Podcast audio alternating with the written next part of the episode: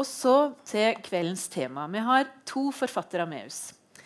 To som har gitt ut bøker i høst om et tema som ingen av oss kan springe unna. Vi kommer alle derifra, og vi bor alle i en kommune. Vi har to bøker og to forfattere. Jens Kiel, som har Kiel! Kiel. Ja, Jeg har også lurt på det. ja, det ligger eh, rett utafor Gravvik i Nærøy, så det er jo godt trøndernavn. Eh, Jens Kiel, som har gjevet boka 'Dette er også Noreg kommunal feelgood'. Ei sakprosabok. Og så Kjersti Bjørkmo, som har gitt ut diktsamlinga 'Hadde du bodd her, hadde du vært hjemme nå'. Og så kan en jo tenke eh, hvorfor skal vi invitere disse to sammen? Vi i Nidaros Mållag er ganske stolt av at det er vi som har sett disse forfatterne sammen for første gang. Nettopp fordi vi så at de hadde gitt ut bøker som med et overordna tema handla om det samme. Men de har gripet det veldig ulikt an. Eh, og eh, vi ville at dette skulle stelles sammen. Når vi tok kontakt, så fikk vi høre at vi var de første som hadde gjort det. Men etter denne kvelden så skal de være sammen flere ganger og gjøre det samme. Så vi er en, eh, dette er en verdenspremiere, og det er en prototype de skal få være med på. Eh, og hvis dette går bra, så kommer det til å gå sin seiersgang over Norge. Går det til helvete? så skal vi Så blir det slite en med eh, hverandre hele våren. Etterpå. Mhm. Ja. Sånn er det. Ja. Altså, Jens, Ja. du har vært på ei reise. Og er det noe vi i Mållaget liker, så er det jo voksne menn som tar ut på reise gjennom Norge og skriver om det de har opplevd etterpå. Og det har Jens gjort. Du har gitt ut denne boka. Dette er også Norge. Og nå er det spennende for oss å høre først hva hva er dette for en slags bok? Og hva slags oppleving har du hatt som gjør at du valgte å skrive bok om det? ja. Først så vil jeg jo bare si at det er utrolig stas å være her. Eh, og fint å være tilbake i Nidaros Mållag.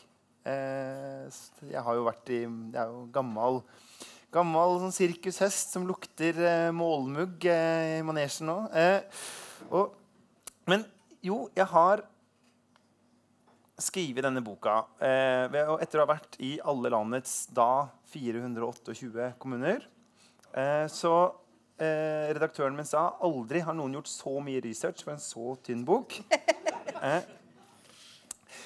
og eh, det er jo sånn at jeg starta da eh, eh, i Klassekampen som journalist høsten 2013. Og så tenkte jeg at OK, nå har de blå vunnet, og jeg får prøve å finne ut hva skal, jeg, hva skal være min rolle som journalist nå. Hva skal jeg se etter? Og de sa jo ganske tidlig at kommunereforma det er det viktigste prosjektet vi gjør denne fireårsperioden. Så tenkte jeg, ok, Men da kan jo jeg følge opp det og bite meg fast i det prosjektet. Og så begynte jeg å skrive om kommunereforma. Eh, og det er den eneste gangen tror jeg, i livet at jeg har begynt å gjøre noe før det blei kult. Eh, da var jeg ganske aleine. Eh, og så tenkte jeg bare at plutselig på vårparten 2014 at hva om jeg setter meg ned og finner ut hvor mange kommuner har jeg egentlig vært i? Og med 15 års fartstid i målrørsla, særlig, da, så har jeg vært på utrolig mange steder. Fordi som en del av dere veit, så er det jo sånn at det er jo eh, Jo færre folk det bor på en plass, jo mer nynorsk er det der. Eh, og det blir liksom færre og færre folk og mer og mer nynorsk. Helt til vi er helt oppe på fjellet, hvor det ikke er noen folk, men utrolig masse nynorsk. Eh, og, og der er jo gjerne de største mållaga også. Så jeg har jo vært rundt forbi overalt. Eh, og da viste det mangla bare en 120 eh, kommuner. Så OK, kan det gå an å besøke alle sammen før Sanner legger dem ned? tenkte jeg. Det er jo kanskje ikke så åpent journalistisk tenkt, eh, men det var nå det som var starten. Og så begynte jeg å reise, snakke med folk. Eh, prøvde å tenke på hva er dette for slags eh, Hva er dette for slags rart land som vi bor i? Eh, og til slutt så ble det da en lita flis av ei bok. Er jo tjukkere enn boka di, da. Hey, hallo. Ja, ok. Men du har ikke reist på ordentlig?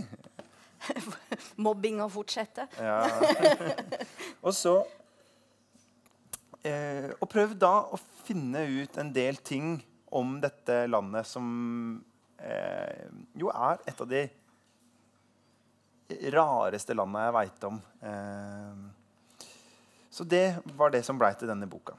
Og en slags sånn, litt sånn eh, gransking av landet vårt. Og, og hvordan, altså for Kommunene er jo på en måte bare en måte som vi prøver å leve sammen på. Og Det ser man kanskje nesten enda bedre i boka til Kjersti enn i boka mi. At vi, vi fomler litt for å prøve å finne en eller annen plass sammen. Eh, og finne, finne hverandre på en eller annen bra måte og være her for hverandre. Eh, og mye av det er jo i endring om dagen. Og det er det jeg har prøvd å skrive noe om. da. Og hva er det med kommunene som, som gjør at vi, altså Når noe går galt for oss, så, så skylder vi på kommunen. Med det, de skal strø bedre, de skal ha bedre helsevesen og alt. Og det kan vi liksom plassere på kommunen og være litt sånn sinte på det. Ja. Men hvis noen sier at vi skal slå oss sammen med nabokommunen, så blir jo kommunegrensene våre det sikreste og det kjæreste vi har. Hva er det som, eh, som skjer i oss? Altså, hvordan forholder vi oss til kommunen? Altså, det som Verden er jo full av sånne type offentlige eh, grenser som noe befinner seg innafor. Eh, og det er, jeg tror det er utrolig få nordmenn som går rundt og liksom sier ja, jeg, jeg heter Jens, jeg er fra eh, Sør-Øst helseforetak. Ikke sant? Eller Oslo og Akershus sivilforsvarsdistrikt. Eh, men at folk er fra kommuner. Eh, altså er fra, det er på en måte ramma rundt hverdagen vår. Ikke sant? Det er de som har barneskolen som vi har gått på. Det er de som har eh, sykehjemmet hvor mormora vår ligger. Alt det her. Eh, de følger opp veldig mye av det som er tett på oss gjennom livet. Eh, og så er det jo veldig mange plasser at kommunen også tilsvarer på en måte eh, det, det vi føler oss som. da. Du er fra, fra Ål, som er en plass, og, eh, altså en, en hjemplass og en kommune. Sånn er det jo ikke med alle, selvfølgelig. Eh, eh, fordi noen kommuner er kjempesvære. Men veldig mange har det sånn at den bygda eller den byen de er fra, også er på en måte kommunen de kommer fra. Og det tror jeg har mye, mye å si. Og jeg jo, prøver jo litt sånn i boka å slå et slag for at eh, dette med identitet i den politiske debatten lett kan bli oppfatta som, som føleri. Ikke sant? Som noe litt sånn dumt. Eh, og i stedet så er det jo nettopp tror jeg, det at eh, identitet er en sånn superbra ressurs. Eh, at det er jo det som gjør at folk går og stemmer i valg og stiller opp på dugnad og, og bryr seg. Fordi at Hvis det var samme for dem åssen det gikk med lokalsamfunnet, så, de jo, så ville de jo ikke tatt grep. da. Og dette med, med dugnad og, og det som gir identitet, det har du skrevet noe særlig om eh, da du besøkte kommune i Hedmark. Ja, jeg kan, jeg kan lese Si litt om det. Ja, gjør det. Fordi eh, det er jo noen som har spurt sånn Hvis jeg kjøper denne boka, handler den om alle kommunene? Altså, nei, jeg har ikke skrevet NAFs veibok. Den finnes fra før. Eh, men jeg har tatt noen sånne dypdykk, og da har jeg bl.a. skrevet om eh, Grue, som er en plass på Finnskogen. Er det noen som har vært på Finnskogen? Noen. Det er en eh, utrolig fin plass, særlig for sånne som meg, som er en sånn østlending som er mest glad i skauen. Eh, og, som er en, eh, en plass som vi har eh, eh, Som jo har vært er spennende, for den har vært multikulturell lenge før noen kom på det ordet. ikke sant? For de har jo hatt skogfinner og svensker og eh, romanifolk og alt mulig i mange mange hundre år. Men jeg tenkte jeg skulle lese litt om, eh, om flommen som kom i 95. Tirsdag 1.6.1995 steig vannet i Glomma med 60 cm i Grue kommune i Hedmark. Og det var lite trøyst å finne i værmeldinga. Der kunne meteorologen varsle om 50 mm nedbør det neste døgnet. Styresmaktene mente vannstanden i Glomma ville øke 40 cm på noen timer. Men denne meteren med vann var bare starten på det som skulle bli den verste flaumen på Østlandet i manns minne. Og det neste som skjedde, det var en studie i bondevett og i solidaritet. Heimevernet mobiliserte det de hadde av mannskap, og lokalradioen etterlyste flere. Bygdefolket fikk opp voller av sandsekker, men andre hjelpte til med å berge de eldre og verdiene deres. Bønder ofra dyrkbar jord for å fylle opp demningene. og Det blir snakka om at om lag 1000 mennesker hjelpte til hver dag da det sto på som verst. Og det gikk med. 30 000 brødskiver, 427 kilo eple, 218 kilo bananer, 1786 liter mineralvann, 1314 liter kaffe, 1356 liter mjølk og 4970 liter med suppe eller buljong under aksjonen. Fra administrasjonssenteret i Gruehallen ble det administrert om lag 320 000 sandsekker, og 121 traktorer var i sving for å få ut disse sekkene. Og bygdefolket stoppa flaumen. Sandsekk for sandsekk og brødskive for brødskive. Og sjøl var jeg ni år i 1995. TV 2 hadde akkurat kommet til landet, og jeg kan huske at vi satt hjemme i TV-stua til mormor og morfar i Horten. Definer laminat dekte blaupunktfjernsynene, sendte bilder av store hus som forsvant nedover elva. Og den verste flaumen på 206 år var et faktum. 1833 gardsbruk fikk skader. 7000 mennesker ble evakuert, og ett menneske omkom. Det er dramatiske tall. Men det kunne gått så mye, mye verre. Og det, altså, det, er jo flere ting å si om dette her. Og for meg som journalist er det helt sjukt med disse bøndene som ville ha mer melk enn kaffe. Det er jo helt sånn eh, mennesker er det. Men, eh, men det mest interessante er jo akkurat det her. At det er jo det er ingenting i hele verden som er robust med kommunene eh, inne på Finnskogen. Altså bare, bare ingenting. Og likevel, når bare vannet hvelver nedover dalen, så er de i stand til å stoppe det eh, med et slags system som ingen har øvd på, eller ikke det finnes noe sånn eh, finnes noen plan for, men det bare lar seg fikse fordi folk slipper det de har i hendene, og, og, tar grep. Eh, og det blir jo sagt ofte da, at nordmenn er liksom verdensmestere i dugnad. Og det syns jeg er et helt, sånn, et helt forferdelig uttrykk. fordi poenget med dugnad er jo nettopp at det ikke er noe mesterskap. Det er ikke noe konkurranse. Vi gjør det ikke for å vinne noe, vi gjør det bare for, for hverandre. Eh, og det er da at man oppnår sånne ting. Og, og, det politiske poenget i det, da, hvis jeg skal prøve å, å, å gidde å være litt politisk midt oppi all denne bygderomantikken, eh, er jo at eh, når, når, vi nå driver og organiserer samfunnet vårt på nye måter på veldig sånn, Det skjer veldig fort. Så selvfølgelig må vi hele tida tenke hvordan kan, kan, Norge bli bedre? Og hvordan kan på en måte, ting funke enda bedre for de folka som bor her? Men vi må jo også tenke at hvordan er det vi man kan passe på så ikke vi mister noe av alt det skikkelig fine som eh, skjer mellom menneskene eh, i Norge. Ja. Dette er jo en fortelling om, om at folk handla og samhandla og er sammen om noe i praksis. Eh, men så er det også en identitetsskaping eller et forsøk på å skape seg identitet eller si noe om det en har, som har gitt utslag på andre måter. Og Før eh, vi introduserer kveldens andre gjest, så vil jeg utfordre deg Jens, også på å si noe om, om, dette med Når vi ikke har den handlingen, da, eller har disse fortellingene som binder sammen, um, så har det også vært en tendens at en har prøvd å skape fellesskap med noen ord. Og definere hva er kommunen vår. Hvordan er det å bo her? Med noen få ord satt sammen i mm. det vi vil kalle et slagord. Og det er jo eh, Jeg tenkte jo lenge at det er det verste kommuner driver med.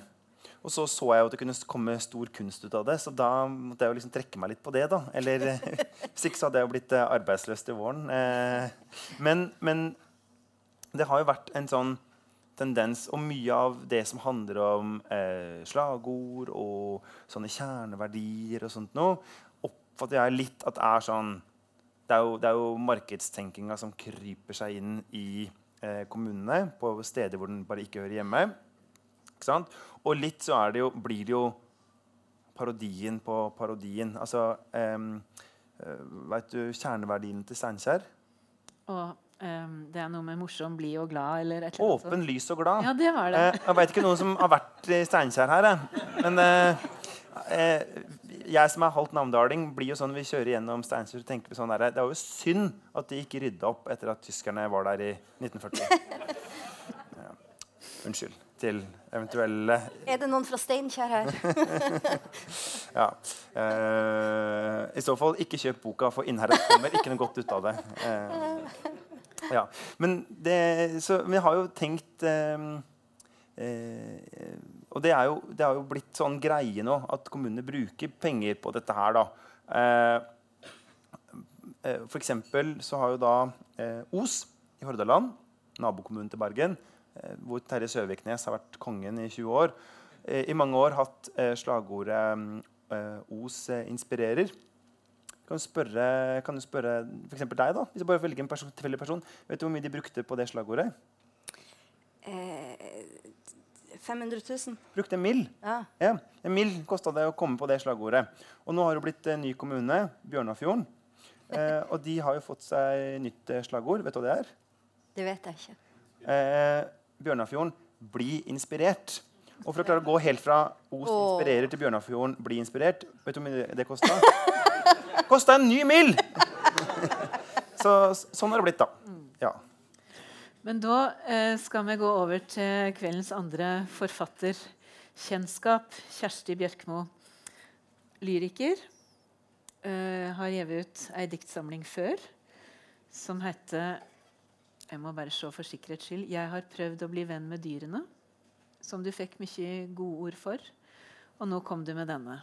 Og når vi har en lyriker på besøk, så tenker jeg at den beste måten å bli introdusert til ditt forfatterskap på, det er å høre at du leser dine egne dikt. Så vær så god. Ja, jeg tenkte jeg skulle ta en liten bolk på sånn ca. fem dikt. Jeg må bestandig stå når jeg leser dikt. Jeg er bare litt bekymra for, eh, eh, for utstrekninga her. Jeg har ikke lyst til å stå med ryggen til deg, f.eks. Men det kan hende at det skjer litt. Det går bra? Ja. Ikke ta det personlig. Eh, ja, det er altså eh, Den kom ut i august. Eh, Tittelen 'Hadde du bodd her, hadde du vært hjemme nå'. er egentlig et svensk kommuneslagord. 'Hadde du bodd her, hadde du vært hemma nå'. Som jeg syns er et heldig kommuneslagord. Det er vakkert. Eh, men det fins jo De hadde det på et skilt midt i ødemarka. Eh, og når du kjører, og det er trær, og det ser relativt trist ut, og så står, står det 'Hadde du bodd her, hadde du vært hjemme nå', så gir poesien seg sjøl litt. Og da tenkte jeg at faen, her er det noe. Det er liksom, åh, de her slagordene de prøver å si noe om oss. Hva, hvordan kan vi ta dem tilbake, eller hvordan kan vi møte dem? Sånn starta det helt til å begynne med. Og så begynte jeg å se på de norske. og så... Eh, det fins også svenske innslag her. Da. Det er sånn seks-sju svenske og så en rekke norske kommuneslagord. Eh, der tittelen på hvert dikt er et stedsnavn, og undertittelen er det faktiske slagordet til eh, kommunen. Og da begynte jeg å tenke sånn Hvordan er det egentlig å være f.eks. ensom i Rælingen, en trivselskommune mellom Øyeren og Østmarka? Eller hvis du ligger våken om natta og er redd for hvordan du Redd for hvordan du skal klare å betale husleia i Ringebu, der det er lov å lykkes. Eller å lure på om du er i ferd med å miste jobben i Skedsmo, et geografisk knutepunkt i Akershus. Sånn har jeg jobba litt med det. da. Så skal jeg ikke si så mye mer. Jeg skal bare ta et lite knippe. Og jeg skal ikke gå helt sånn rockestjerne, men eh, hvis, hvis, noen hører en kommune de liksom åh, er fra eller har et spesielt forhold til, så er det lov å bare gi, gi seg til kjenne. Vefsen. Ett steg foran. Reinsdyrene trekker inn på kirkegården i Mosjøen når de er sultne. Der spiser de kranser og bårebuketter. Sleiker på steinene, fødselsdatoene. Dagene da det tok slutt. En fredag løper et reinsdyr ut foran et gravfølge. Foran den sørgende eh, søstera. Foran den gjeldstynga presten. Foran naboen i mørkeblå skiklær som skal på hytta etter at kista er senka i jorda. Foran barndomsvennen som har reist langt for å rekke fram. Foran den voksne dattera. Hun ser frostrøyken rundt reinens mule. Og kondensdråpene i de strie hårene. De som er glad i meg, dør ut.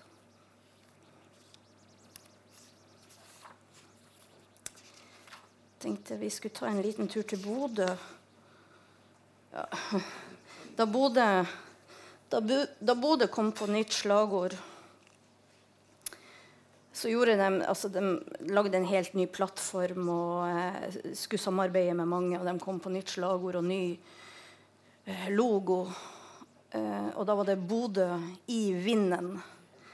Og så begynte Ørland kommune å uh, bli litt muggen, for de hadde hatt det slagordet i 30 år. Og da hadde da, Bodø hadde brukt fem millioner på den nye plattformen sin. Uh, så da uttalte Bodø kommune offentlig at de syntes ikke Ørland kommune skulle henge seg opp i detaljer. Bodø i vind. Nattvakta drikker kaffe og tenker på hvor godt han liker høststormene. Vind får han til å tenke på båter. På Albert Einstein som geiper til fotografen. På store trær som krangler. På hunder som blir glad når noen kommer på besøk på plutselige fall på verdens børser og verdiløse papirer. Og hans venninne Hilde som flirer, så måkene letter i store flokker nede på kaia. Altså, I boka så begynner det litt i Nord-Norge.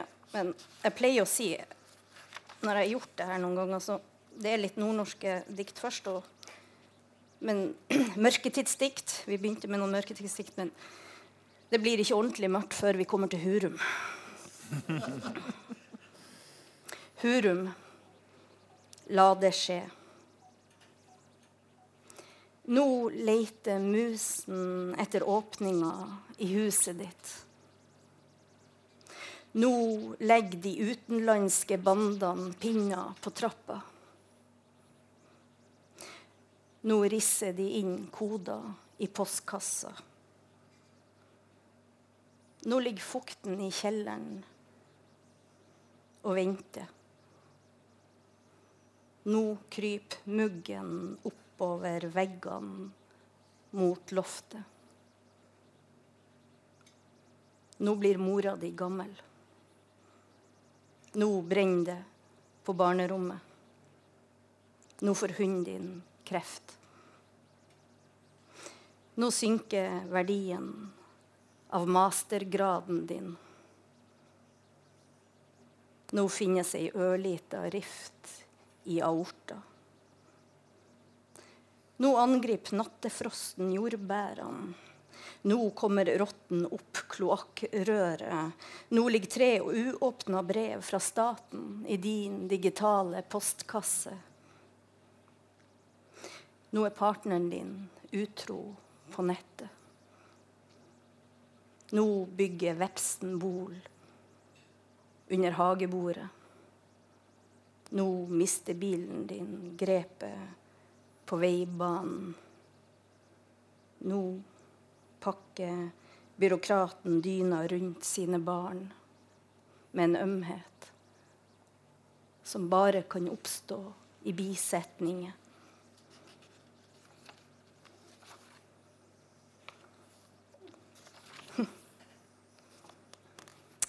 Herøy. Jeg uttalte en gang i et intervju at Herøy hadde fått til noe i slagordet sitt. Eh, det fikk jeg et stort oppslag på i lokalavisa der. Herøy best i landet, sto det. Har poet sagt, liksom. Herøy. Ei båtlengd føre. Han morfar drakk ei flaske øl til middagen hver søndag. Så la han seg på sofaen for å hvile. Hver gang, like før han sovna med åpen munn, blunka han og sa Nå er han morfar bare en papirbåt i kveldens bekk. Skal vi se Jeg tenkte jeg skulle ta ett til, bare, så har dere liksom fått en følelse av hva det går i det her. Mm. Kanskje vi skal ta Kanskje vi skal dra til Skedsmo en tur. Liksom. Kanskje landets mest usexy kommune. Eller? Oh, sorry. Du, Gjorde jeg noe? det måtte skje der. Ja. Nei, det er bare gøy du sier det. fordi eh, Det spørsmålet jeg oftest har fått av journalister, det er jo eh, Du er jo så glad i kommunene, men er det noen vi kunne ha blitt kvitt? Er det noen vi kunne ha uten? Da svarer jeg alltid sånn Altså, bomb hele Romerike. Eh, så der er vi helt på linje, da. Oh, ja, bra. Ja. Nei, at jeg, jeg bare venter på at det skal bli en skandale en eller annen gang når jeg står og leser de her diktene. Men ikke i kveld. Ikke ennå. Foreløpig. Ja. Ja, ja, vi klarer oss. Yes. Skedsmo. Et geografisk midtpunkt i Akershus. Regler for innkommende samtaler. Ikke si møte. Ikke si tannlege. Ikke si hjemme med barn. Eller forsinka i trafikken. Ikke si ferie. Ikke si utlandet. Ikke si skiveutglidning.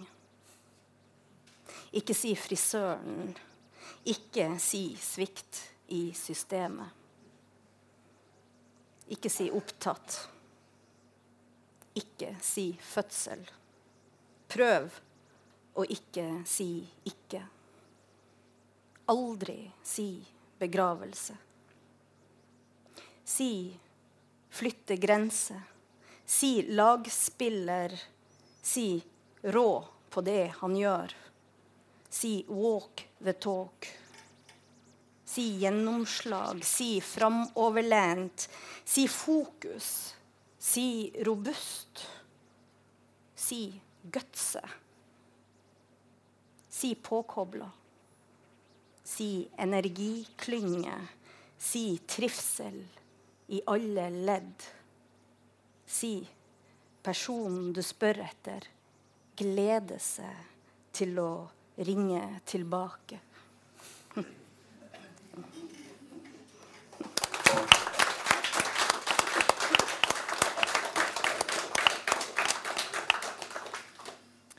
Jens, du som har eh, skrevet en bok med undertittel 'Kommunal feel good'. Ja.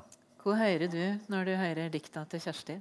Nei, jeg hører jo en slags eh, eh, kommunal melankoli, da. Så folk kan jo lese f.eks. Eh, boka mi for å komme seg litt opp, og så boka di for å komme seg liksom døtta ned igjen i novembermørket. Um, men det er jo, altså, det, det, siste du leste, da, er jo et av mine favorittdikt i boka. Og eh, fordi det er en sånn eh, Det tuller jo med noe av det som jeg også har, har hengt meg opp i. Og med sånn de her innholdstomme frasene og eh, alt liksom Hvordan det det er meningsløse språket som bare kryper inn og, og tar plassen til alt det bra-språket som er der ute. Men, eh, men hva er det, eller liksom si, hvordan har du tenkt når du har skrevet Eh, akkurat det diktet der altså jeg, eh, jeg bor i Oslo. Jeg bor i Det kan ingen holde mot deg. I, nei, det jeg er veldig glad i Oslo. Eh, jeg bor i, et, eh, i en leilighet som jeg deler med noen andre. Og ene eh, kom hjem og hadde fått nye regler på jobb for hva som var lov å si i telefon. Eh, og den var søren ikke langt unna det diktet, så det skrev seg veldig sjøl. Fordi det var ikke si noen Det, sto ikke si noe som kan, kan oppfattes som negativt, selv om svaret er nei på det kunden spør om. Husk at vi skal være en imøtekommende bedrift, sto det der. Ja. Og da, eh, da tenkte jeg at faen, liksom Det her Det her det, det, det, det, ja, Men jeg tenkte "Ko- Kunne dere ikke ha skrevet det helt ut? Jeg syns bare de gikk glipp av et godt dikt. ja. Så du har tatt ansvar? Jeg to, ja, ja, hele boka er å ta ansvar. Jeg har faen meg tatt ansvar eh, for, eh, for, for det som tomrommene. Ja. Ja. Ja, det er, ja, ja, ja. Enig, enig, enig. Ola, kan ikke du kjøpe en øl til meg? Eh. Apropos tomrom. Ja. Nei, apropos ta ansvar. Ja, ta ansvar, ja. Ja, ja, ja, ja, ja. Eh, for, at, eh, for at noen av eh, dikta dine er jo sånn eh, litt mer eh, abstrakte, men ganske mange er jo ganske konkrete, tenker jeg, og beskriver jo sånne eh, situasjoner hvor, hvor vi møter hverandre på en måte på utsida av det språket. Eh, vi snakka i stad om et annet dødsfint dikt her fra Drammen. Eh, og jeg tenker at Drammen har jo ikke så høy status, kanskje. Så kanskje du kan gi litt oppreisning til denne fine kommunen og lese den? Er det mulig? ta, ja, ja, Er det ta mulig Drammen å be, be? Ja, Hvis det er en slags sånn Best of-samling eller Greatest Ja, men det er hyggelig, turné? fordi at uh, Drammen når du først Skal vi se, jeg har det merka en Der, ja. Der åpna det seg på Drammen. Det var meninga, det. Uh, Drammen hadde jo et dårlig rykte lenge, og så klarte de en eller annen snuoperasjon, må jeg si. Nå er det utrolig mange som snakker fint om Drammen plutselig. Eh, og, og tydeligvis har de hatt mye på hjertet da de lagde kommuneslagordet sitt. Kan du det? Um, For det er vanskelig. For det var jo De hadde jo visjonen Nordens Venezia. Eh, og det kan jo alle som har vært i Drammen, trygt slå fast at stemte bare sånn middels. Altså Det at man har en elv gjennom sentrum, er ikke nok til å være Nordens Venezia. Eh, men slagordet, det husker jeg ikke. Går ikke an å huske. Jeg brukte, jeg brukte en halv uke på å lære det. Eh, men i alle fall jeg, det her har jeg snakka om i noen intervjuer. og Da fikk jeg også en overskrift i en Drammensavis der det sto forfatter, 'Forfatter synes Drammens slagord er komisk'. Skal vi se. Syns du det? Ja, ja, jeg har vel sagt at jeg syns det er komisk. Ja. Eh, vi kan gå videre på det etterpå, fordi at, eh, det er et eller annet med å ville. Så, det, alle slagord de vil så mye. sant? Ja. Drammen. Miljø- og kompetansebyen Drammen. En tett, mangfoldig og levende by i et vakkert landskap. Å, fy faen. De har ikke klart å slutte. Nei.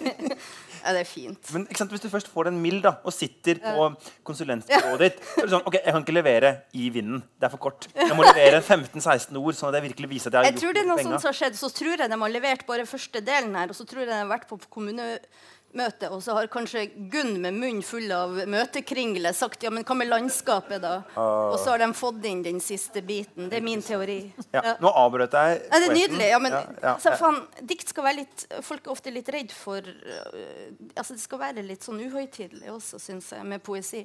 Ja. Eh, så det er derfor eh, protester og tilrop er også lov, faktisk, i, i, i diktopplesninger. Vi må ta det om igjen, vet du. Drammen. Miljø- og kompetansebyen Drammen. En tett, mangfoldig og levende by i et vakkert landskap. Jeg møter min venn Frode tilfeldig i Nedre Strandgate. Vi har kjent hverandre i 20 år. Dratt hverandre ut av hverandres mørke i 20 år. Han Frode har vært på lederseminar og tar av seg sekken for å vise meg at han har fått en kopp og en perm. På begge står det tydelige, samlende, driftige, inkluderende, utviklingsorienterte. Vi flirer så trafikken rundt oss stopper. Så blir han alvorlig. Du skal få koppen, sier han. Jeg har jo alltids permen.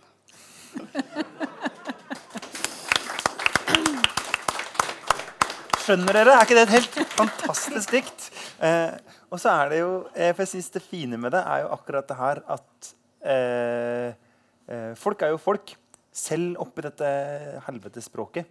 Det er jo nettopp der kontrasten ligger. Ja. Det hadde, altså når jeg skulle gjøre det her, så ville det vært så lett å gjøre narr av slagordene og det kommunale. ikke sant? Vi flirer jo av det, og det må vi jo for all del gjøre. Men jeg kan ikke basere ei hel diktbok på det. Og jeg, det var veldig viktig for meg at det ble på en måte en slags eh, kjærlighet til folkene som bor der, og det å løfte fram det som mangler da, i det som vi synes ofte blir borte i det type språk som, eh, som ikke engang vet hvem det er som har laga, eller hvem det, hvem det retter seg mot. Det er jo det som er problemet med både eh, de eh, slagordene de får igjen for, som er satt ut, og de betaler millioner for, og også de som de lager sjøl. Det er ikke et tydelig subjekt, og det er ikke en tydelig mottaker. ikke sant? Det mangler, det er et helt eierløst språk.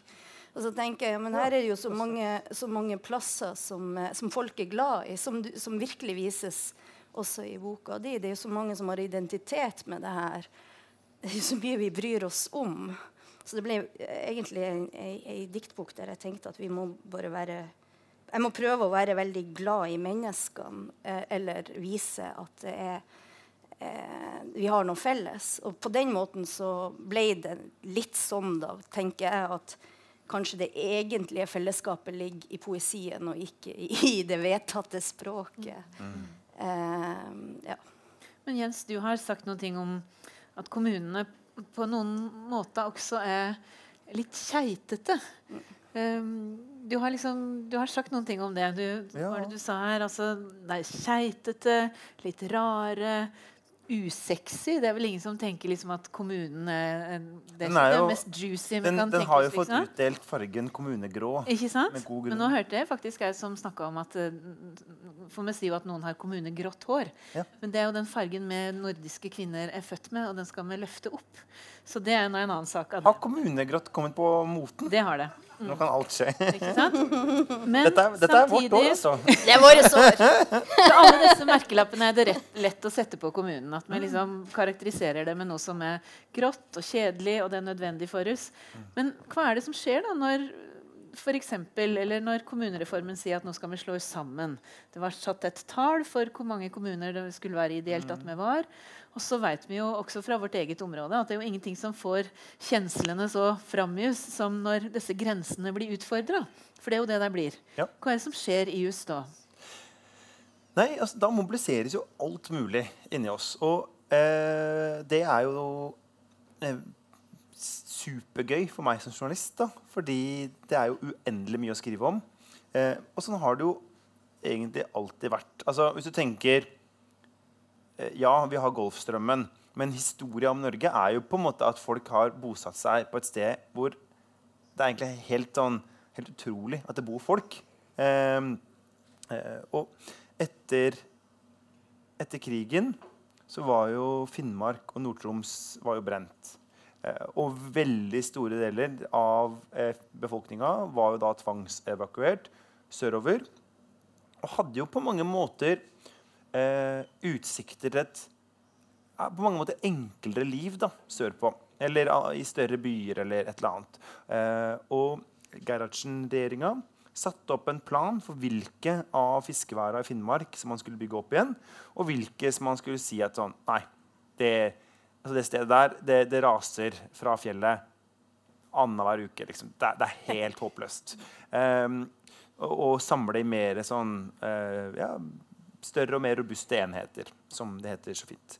Og så er det sånn at uh, finnmarkinger uh, De er jo som alle andre. Ikke sant? Vi hører jo Ikke helt. Nei, ikke helt, da. Men akkurat på det her så er man helt som alle andre. At sånn, Nettopp, ja. For nå skal liksom pappa stat komme og gi oss råd. Så folk bosatte seg jo absolutt ikke der som det var en plan i det hele tatt. Eh, enda mer spredt enn før. Og ikke minst eh, eh, hvis du kjører gjennom Finnmark Har du gjort det? Nei, jeg har ikke gjort det. oh, det må alle gjøre. Det er det beste man kan gjøre. Eh, så eh, Og det sier jeg, altså Fetteren min og jeg vi kjørte gjennom USA. Bedre å kjøre gjennom Finnmark. Eh, og mer Vill Vest. Og da er det jo Alle husa er jo sånn eh, lilla med grønne karmer. Eh, Oransje med svart dør. Ikke sant? For folk er litt sånn har vi først overlevd Den røde armé og eh, brent jords taktikk og hele greia. Det er ingen som kommer her og kommer med noen sånne stylisttips for at det passer best med liksom hvitt med lysegrått. Ikke sant? Det er jo bare en sånn sinnssyk protest som bor i oss. Eh, og det er jo eh, noe av det som får folk til å orke det ganske harde livet.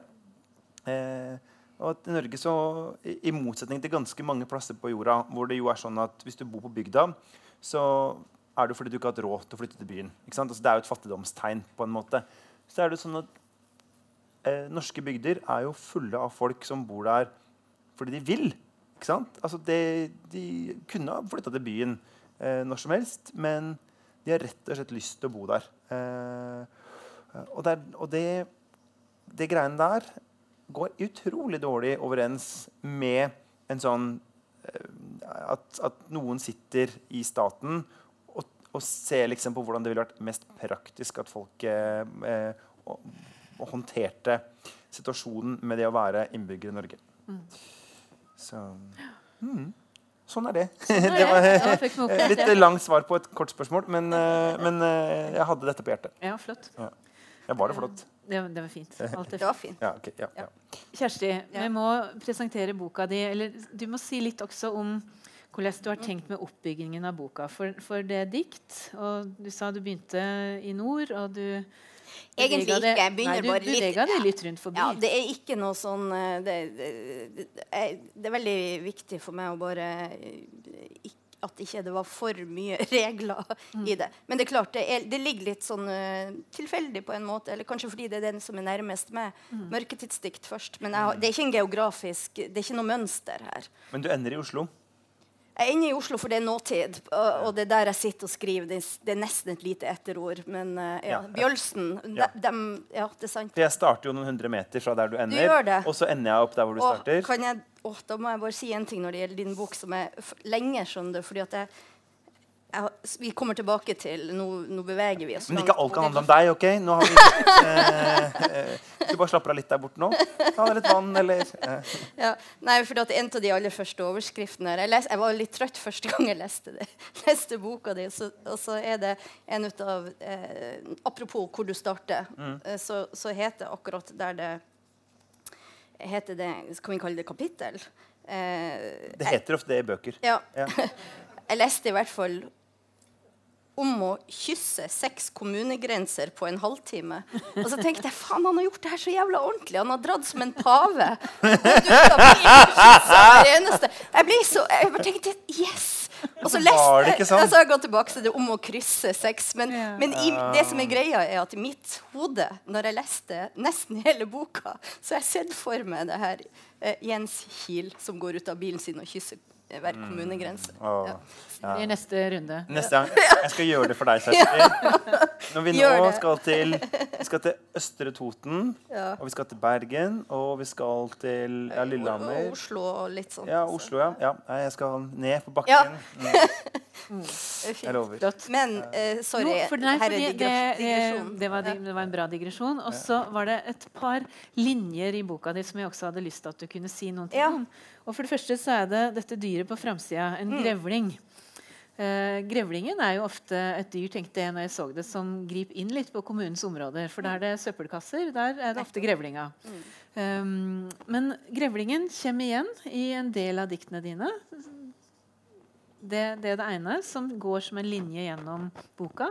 Og det andre som jeg hadde lyst til å spørre deg om, og som de må legge merke til, det som leser boka, det er innimellom disse mailene som vi alle antagelig har fått.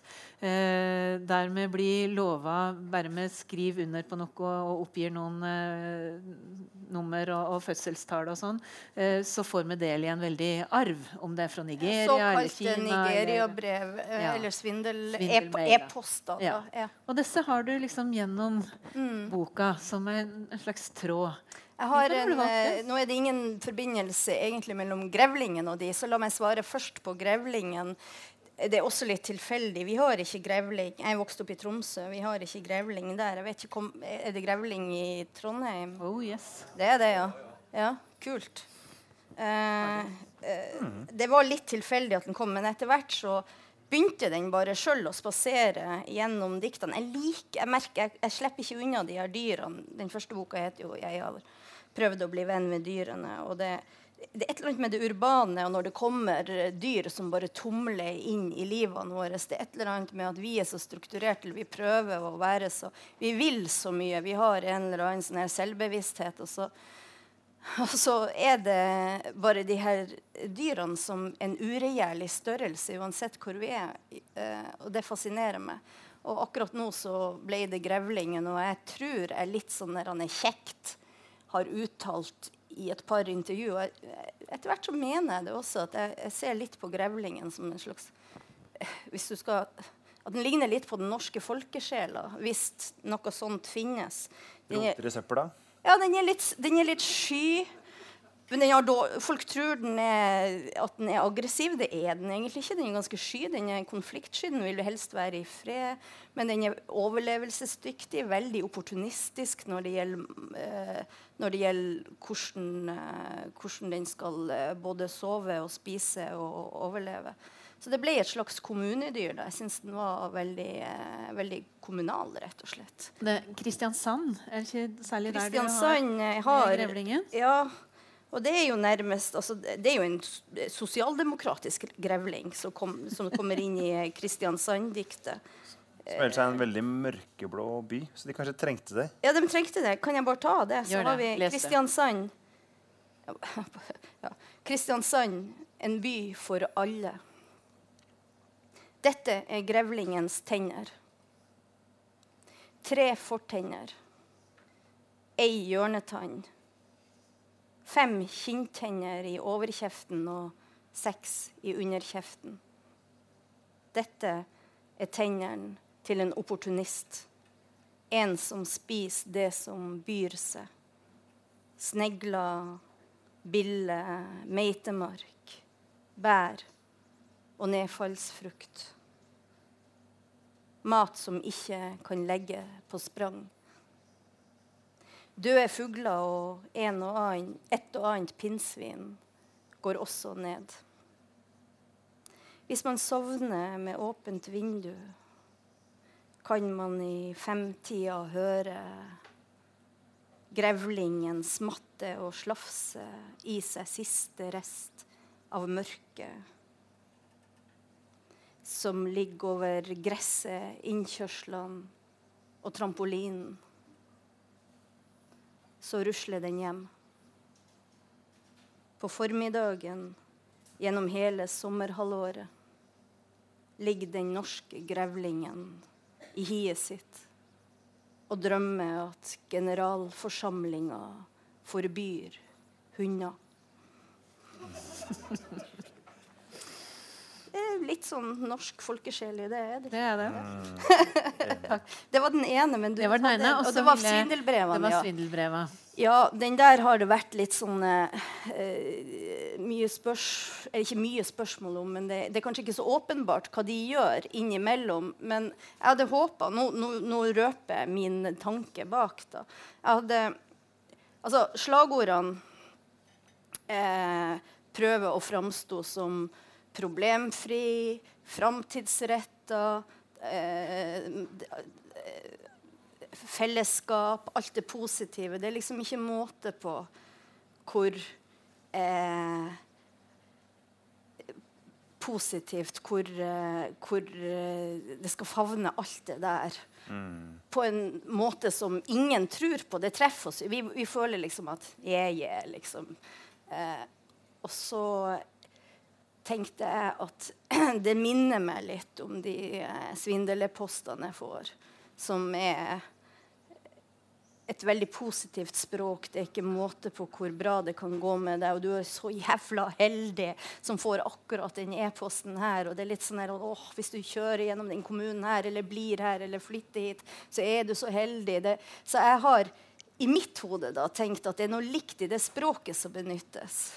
Det, det er noe likt i det språket som prøver å dekke over det som er mennesket og det som er. Så det er et eller annet med den koblinga der som jeg håper bare ved å, å, å Pluss at det er noe som inntrer i livene til, til alle som har en e-postadresse.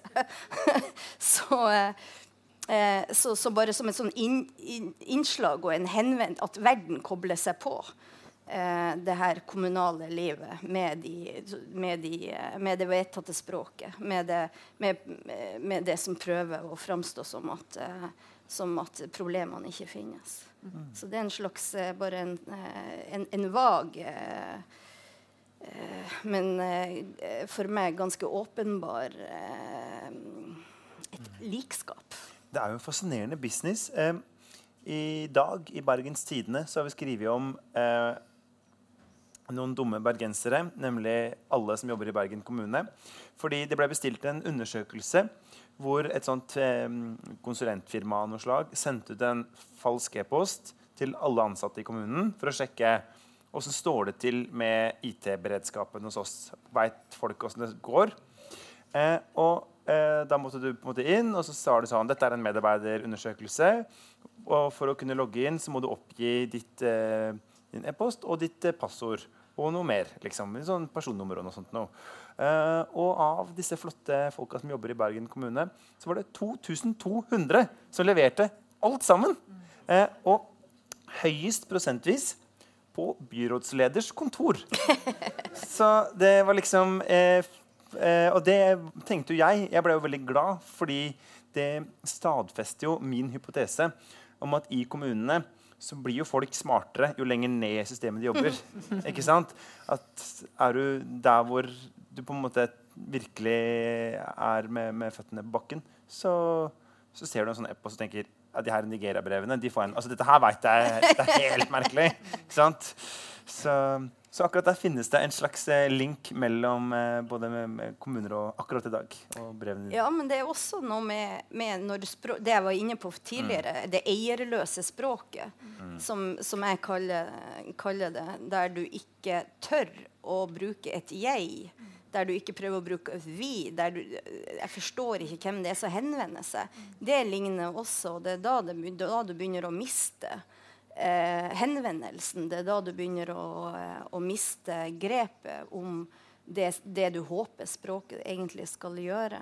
Mm. Eh, så, eh, så, der er det også altså Jeg mener bare jobbsammenheng. Jeg vet ikke hvor mange her i arbeidslivet som syns altså Jeg skriver jo mye jeg syns det er tyngre å skrive e-poster når jeg sitter på jobb, fordi at jeg ikke representerer Jeg vet ikke helt hva som er innafor. Så begynner jeg av og til å, å, å, å tøve meg inn i sånne uangripelige setninger mm. fordi at jeg er på jobb og ikke vil ha trøbbel mm. eh, med noen. Eh, og, og det, nettopp det der når språket skal bli uangripelig, så har du et språklig problem. Mm. Eh, fordi at uansett hva slags budskap du har, så må folk kunne få lov å ta en stilling til det. Mm. Og eh, kanskje det er det som provoserer meg mest med det offentlige språket. av og til, At det er laget sånn at folk ikke skal ta stilling til det verket. Og da kan du heller ikke ta positivt stilling til det på noen måte. Det er, og det er jævla viktig at folk forstår hva det offentlige sier. Det, bare, bare, ta uh, informasjonsskriv for å gå litt bort fra slagordene. Det er jo ikke et demokratisk problem hvis du eh, anser deg sjøl som et oppegående menneske og egentlig eh, og ikke forstå, Jeg forstår ingenting av og til av det som står der. Mm. Eh, jeg husker jeg var i trøbbel i, med, med, med, Statens innkrevningssentral en gang. Og, og bare det der han, bare forst, Og det er veldig dypt personlig. Altså, økonomi er veldig personlig. Og, og det å få noe som er så personlig, eh, som skal gripe sånn eh, som skal gripe så inn i livet ditt og så ikke forstå hva som står der. Mm. Det, det, er et kjempeproblem. du er eh, umyndiggjort i ditt eget liv. Du er for Ja. dum til å skjønne din egen hverdag. Um, Og da, hvis eh, Nå går jeg inn og blir en del av samtalen. Ja, ja, ja. Hvis det da er kommunen som, som er den representanten, så vil jo det også føre til en fremmedgjøring. Altså, da vil Ja, kommunen fremmedgjøring. Da vil ikke kommunen framstå nær og varm og tilgjengelig. Det blir det motsatte. Mm. Ja. Det er jo Jeg syns jo um, uh, at de tingene Altså det der med det at vi Kommunene skal være til for oss. ikke sant? Fellesskapet eier vi sammen. Um, vi er her for hverandre. Så Det er jo litt sånne floskeluttrykk, men samtidig utrolig viktig. Og det er jo det som jeg tror gjør at sånn som jeg ligger våken om natta fordi jeg blir så sur på at NSB har bytta navn til Vy. Ikke sant? Um, fordi at det er NSB, Norges Statsbaner, altså forteller oss helt tydelig sånn Dette er vårt. Ikke sant? Eh, min oldefar han starta å bygge Nordlandsbanen rett nord for, eh, for eh, Steinkjer. Gikk av med pensjon da de kom til Fauske. Det er godt jobba. Nei, liksom, Man skulle holdt på noen år til. Ikke ja, ja, det, ikke sant? Hadde han jobba litt lengre, så hadde vi hatt det til Tromsø. Ja, eller hadde krigen bare ja, blitt værende? Ja. Fått orden på både, både Nord-Norge-banen og Steinkjer, kanskje? Ja. Men det er jo en sånn um, Ikke sant? Det er jo et livsverk. 50 år som Rollar, og så kommer det noen som altså aldri har flytta en stein, og som sier jeg syns det passer bedre at det heter Vy. Som bare tar det vekk fra oss Ja. og lager et ord som betyr ingenting. Og de skryter av det i intervjuene. De sier sånn eh, Fordi det er et tomt ord, så kan vi fylle det med hva vi vil. Sånn, men vi hadde jo et ord som betydde noe. Det var helt fint.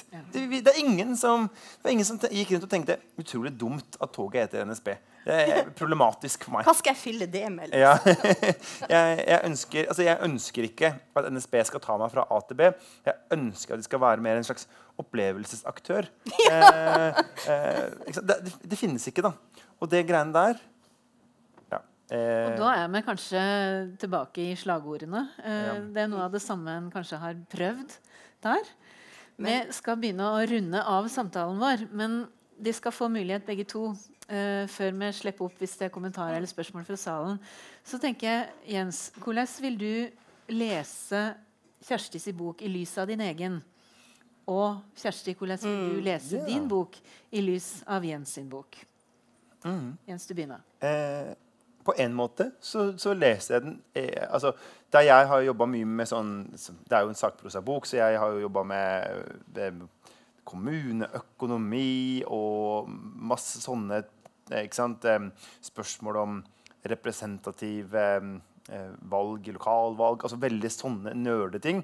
Eh, så er det jo likevel sånn at jeg oppfatter at bøkene våre handler litt om det her med eh, hvordan vi hvordan vi mennesker eh, finner sammen på tvers av strukturene. Eh, og hvordan vi kan på en måte le litt av alt dette keitete, men som vi likevel er glad i. da, ikke sant? Det er jo et eller annet sånn Ordet sånn informasjonstorg på rådhuset. Veldig sånn teit ord. Men fordi det er Turid som sitter her, og vi digger Turid, så er det, det er ikke snakk om at noen skal få lov til å slenge, noe, slenge med leppa om henne. Ikke sant? Og vi er villige til å forsvare det informasjonstorget med nebb og klør. Som en Ropstad som kjemper mot ettbarnspolitikk i Norge. Eh, og så er jo boka di litt sånn eh, eh, Altså, ja, jeg jeg er jo bare en sånn der happy go lucky-type fra Ullevål Hageby. Og det tror jeg folk, eller det gjenspeiler boka. Den har fått kritikk for å være litt for sånn optimistisk. Eh, Så det er, Den er jo en feel good-bok. Den sant, er jo mer en eh, litt sørgmodig, ettertenksom bok. Ja. Ja, jeg farter jo videre, så Du ser jo forskjellen her egentlig veldig godt. da. Sant? En sånn litt sånn humpete, dårlig vei. Nei, fire felt, rett fram! Gønne på! Gutta skal på tur. Og det, der er det kanskje en forskjell, da. Ja, men det er, det er ganske mange berøringspunkt, og jeg tror den der kjærligheten som jeg snakka om tidligere, som var litt sånn eh, nødvendig å ha i bunn, uh, er felles. Uh, men så er det jo to forskjell- helt forskjellige sjangre. Eh, naturlig nok så blir det ulikt av det. Du tar jo stilling til ting på en annen måte enn jeg gjør.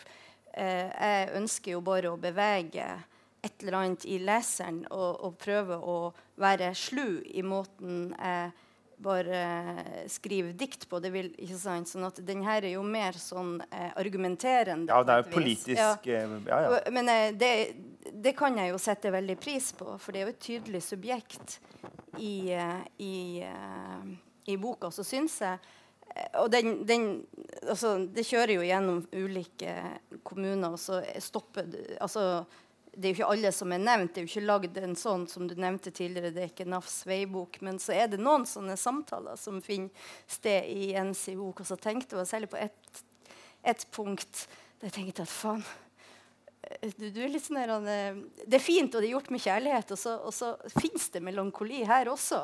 Ja, Du, ja. du slipper ikke helt unna det.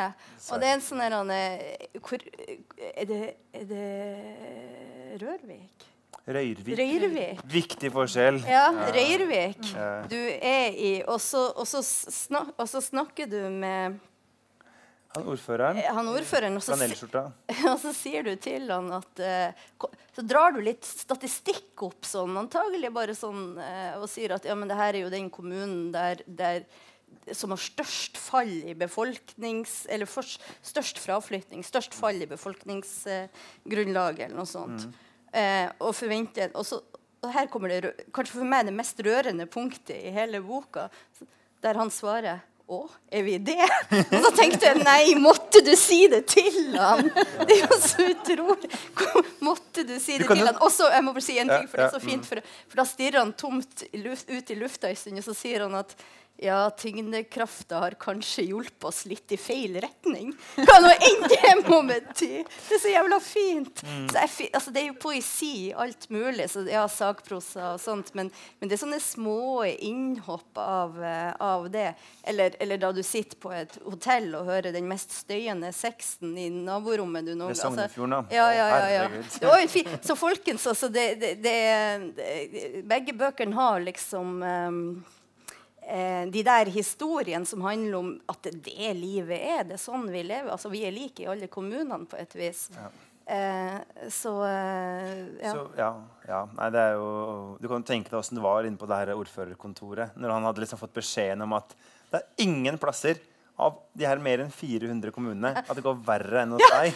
Det bare, jeg tenkte sånn der, Nå har jeg lyst til å bare gå med deg, men det, ja, nei, det måtte jo liksom sitte tida ut, da. Ja, ja, når du først har nevnt det, så måtte du jo Ja, Du kan ikke la den være alene i Ja. de mørke kan- tankene. Hvis jeg kan si Nei, nei, nei, nei. Vi, vi er her for hverandre. Sant? Men jeg vil jo si eh, Nå ødela jeg for deg igjen, da. Men at når du sier sånn eh, jeg, jeg er bare en dikter. Jeg var veldig dårlig sammen med etterligning, da. Men eh, du eh, det er jo på en måte politikk i det som du gjør òg. Det er jo en sånn tydelig språkkritikk. Sant? Ja. Som bare, du, Og jeg syns jo også det. du er jo ganske er jo ingen streng med de som Ja, ja. kommer sånn. Det er godt du Eh, ser. Ja, jeg ja. syns jo òg det. Så det er, ikke, det, det er bare det at det ikke er så eh, eh, Det er en annen måte å Ja. framstille det på. Ja, men det er politisk, det Samtidig vurdering. Ja. Ja. Da, vi- da er vi enige. Da Da kan er vi enige. igjen. Ja. Takka jeg for det så langt. Jeg syns det var flott å høre. Det er alltid spennende å høre når de vurderer en, en annens i bok, og gjerne i lys av sitt eget verk. Det er jo et privilegium. Ja. Um, vi har muligheten til å ta kommentarer og spørsmål. Nå jævlar, regner jeg med det blir månelyst her. Ja. Vi bruker den tida vi, vi trenger, ikke mer enn vi må. Men eh, det er alltid flott å få høre om det er noe de sitter med som de har lyst til å løfte fram. Da må du ha en eh, mikrofon, eh, Pernille. Nei, ja, jeg vil bare jeg vil ha en kommentar av begge forfatterne om Bergen. Ja. Han vil altså ha en kommentar fra begge forfatterne om Bergen. Ja, vil du begynne? Det her er et lure spørsmål. For, for spørsmålsstilleren vet veldig godt hva jeg mener om Bergen. Ja. Og han prøver å lokke meg ut på til å Det her er en podkast, sant? Og folk i Bergen vil høre på. I hor Du sa det i stad. skjønner Du Du sa det. Du har allerede sagt det. alle, Faen, det skjer. Nei da. Eh, jeg har lyst til å si en, en ting, siden du jobber i um, Bergens Tidende. Eh, og, komme og, siden, og siden Jo, men eh, jeg likte den avisa da jeg bodde der. Det er en av de gode tingene jeg kan si. Og eh, jeg har bodd fem år i Bergen. Og eh, apropos slagord og sånt, eh, så husker jeg at da hadde Bergen en veldig vellykka, eller Bergens Tidende hadde en veldig vellykka reklame. En av de bedre reklamekampanjene jeg noen gang har sett. Altså, private firma altså Det er veldig likt kommunal, altså slagordgreiene, den henvendelsen der. da. Og jeg hadde det ikke så bra på slutten. der. Jeg, jeg måtte, kom, egentlig måtte jeg komme meg til helvete ut av Bergen, men det tok litt tid. Så det begynte liksom å, tilværelsen begynte å rase ganske kraftig. Og det sammenfalt med Bergens Tidenes eh, store offensiv, der de hadde boards overalt, og på søppelkasse alt så sto det bare 'Hvilken virkelighet kjøper du?' Eh, og da vandra jeg rundt i Bergen, så så jeg det. Hvilken virkelighet kjøper du? Og jeg tenkte bare Faen, ikke den her, ikke den her, ikke den her. Den virkeligheten kjøper jeg ikke. Men den er veldig god, da, for det handler jo om hva, hva slags framstillinger du tror på. Hva, altså jeg syns det er en fantastisk eh, sånn eh, one-liner. Ja. Og så viser den jo veldig tydelig Jeg kommer fra Klassekampen til borgerpressa. Og nå vil jeg si Adressa er jo enda et hakk mer borgerlig enn BT. på en måte. Den, um, hvis, hmm? Ja. Og så, ja. Vi kan eh, ta rævkrok om det i baren etterpå. Men, eh, men det er jo akkurat det òg. Sånn, det å få en liksom, kjøp og salg i denne korte setninga, det, det sier jo veldig mye om denne avisa, som jeg ellers er veldig glad i. Altså. Eh, Jeg syns den er kjempegod fordi at den også sier noe om, eh, om sin egen rolle. For det er en virkelighet du kjøper når du kjøper en avis. Så det fins en sånn metagreie i Ja, ja, ja. det som jeg faktisk Ja, syns er veldig god. da. Men det forbinder jeg veldig med Bergen. at eh, faktisk. Det var et litt sånn, eh, et forsøk på et litt diplomatisk svar. Ja. Ja! Er det flere spørsmål, kommentarer? Har du lest den boka som heter 'Rådhus' av Pablo Lambias, eller Lambias, dansken? Jeg har han i bokhylla hjemme. Jeg har ikke lest den ennå. Veldig tynn bok. Mm. Fordi eh, Danmark er jo et veldig tynt land, så den får dra dit og se ut som en slags eh, noen svære greier. Ja, og um, For han har skrevet en slags en, altså, det, er noe, det er ikke en roman, det er ikke det. Men det, han reiser rundt og besøker alle landets eh, rådhus. Det er jo ikke så mange i Danmark. Mm. Og siden det er en eh, Så det er egentlig på en måte vår danske litt sånn slutty fetter. Eh, du vet han som vi reiser på, Mogens vi reiser på besøk til med danskebåten. Og så er det litt sånn Oi, er det sånn dere er? Ehm, fordi i den boka er det jo ehm, Du har nevnt Jeg har jo på en måte ordet puling med min bok. Ja, en gang. Turte det, selv om pappa skulle lese den. Eh, men hos han så er det mer sånn Han kommer vandrende inn hos eh, borgermesteren på sekretærens kontor. Og det går liksom to sider før de to er oppe på hennes pult sammen. Og det er liksom voldsomme greier. da.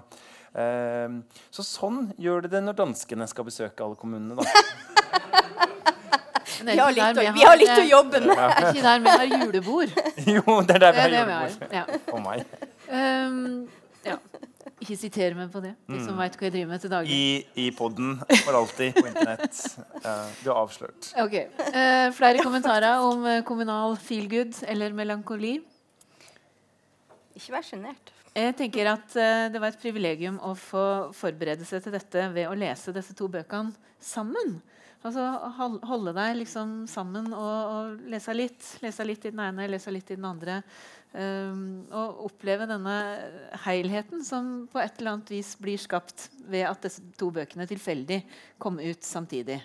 Um, så det vil jeg oppfordre Rikon til å, å fortsette på en måte samtalen med forfatterne, slik vi har hatt den her i kveld. Um, og det skal jo også fortsette uh, en samtale uh, videre når de skal møtes flere ganger om dette. Så jeg håper det tar med dere gode erfaringer fra Trondheim. Vet hvordan de ikke vil gjøre det, og vet hvordan de kan gjøre det. Vet også dere ikke, Var det noen kritikk her? Nei, jeg tenkte mer at de må få evaluere liksom, hvordan de syns Det var ganske gikk. Ja, ja, jeg skal, skal tygge på den den der i natt. Ja. Ehm, igjen, eh, det var en glede for oss i Mållaget å være de første som initierte denne samtalen. Eh, vi ønsker dere lykke til med julesalget og med veien videre. Eh, det er som sagt igjen eh, mulighet for å snakke mer med forfatterne, kjøpe bøkene. Eh, også ta for seg av Mållagets eh, vareutvalg. Men du, hva kan man vinne på den julekalenderen? Ja, det må du spørre disse som er mer inne i det. Jeg har, glemt, jeg har kjøpt to stykker hjemme, Uh, så jeg er i gang. Jeg gleder meg veldig. Liksom må Mållagets Nigeria-brev, føler jeg. Hvis ikke, nei, nei, nei! nei. Du hvis ikke du sier hva det er som er Jeg har sittet og pakket sånne gevinster, så jeg veit det er sant at du vinner. Det er sikkert uh, underbrøka som det står Ivar Aasen på, eller noe sånt. Ja. ikke det? Har de gått ut av produksjon? Det er jo en tragedie. De Altså under. Er underbukse med Ivar Jeg sitter... Sitt Fins det ikke mer? Den dama der har de to siste i landet. Jeg kan.